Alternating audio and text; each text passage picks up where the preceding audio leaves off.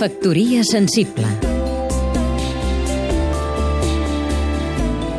Jordi Llavina, escriptor està la mar de bé que celebrem amb esplendidesa el centenari de naixement de Salvador Espriu. S'ho mereix. El seu llegat literari s'ho ha ben guanyat.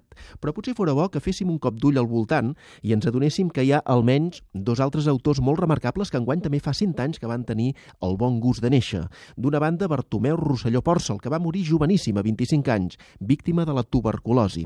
Gran amic d'Espriu, de qui tanmateix es va distanciar al final de la seva curta existència. De fet, Rosselló Pòrcel havia de ser el gran poeta i Espriu Espriu, el gran narrador. Es van repartir els papers, vaja. Així ho defensa Rosa de l'Or, l'encarregada de l'edició crítica de l'autor de Cinera, i ho reprodueix també Agustí Pons en la seva biografia de l'escriptor. Imitació del foc, del mallorquí, és un llibre fonamental de la literatura catalana contemporània. L'altre autor de qui celebrem enguany 100 anys de naixement, un autor potser menys tocat de geni que Rosselló Pòrcel, però que a mi m'agrada més, és Marià Villangómez Llobet, eivissenc, Premi d'Honor de les Lletres Catalanes. Qui se'n recorda avui de Don Marià Adrià Villangómez, malgrat que la seva obra és ferma, important, magnífica.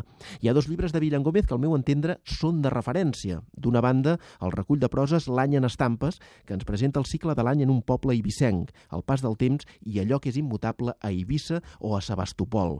I de l'altra, el de poemes El cop a la terra, esplèndid. El desig reeixit de fer poesia de les petites coses, de compartir la referència d'aquestes petites coses i compartir-les en una expressió universal. Factoria sensible Seguim-nos també a catradio.cat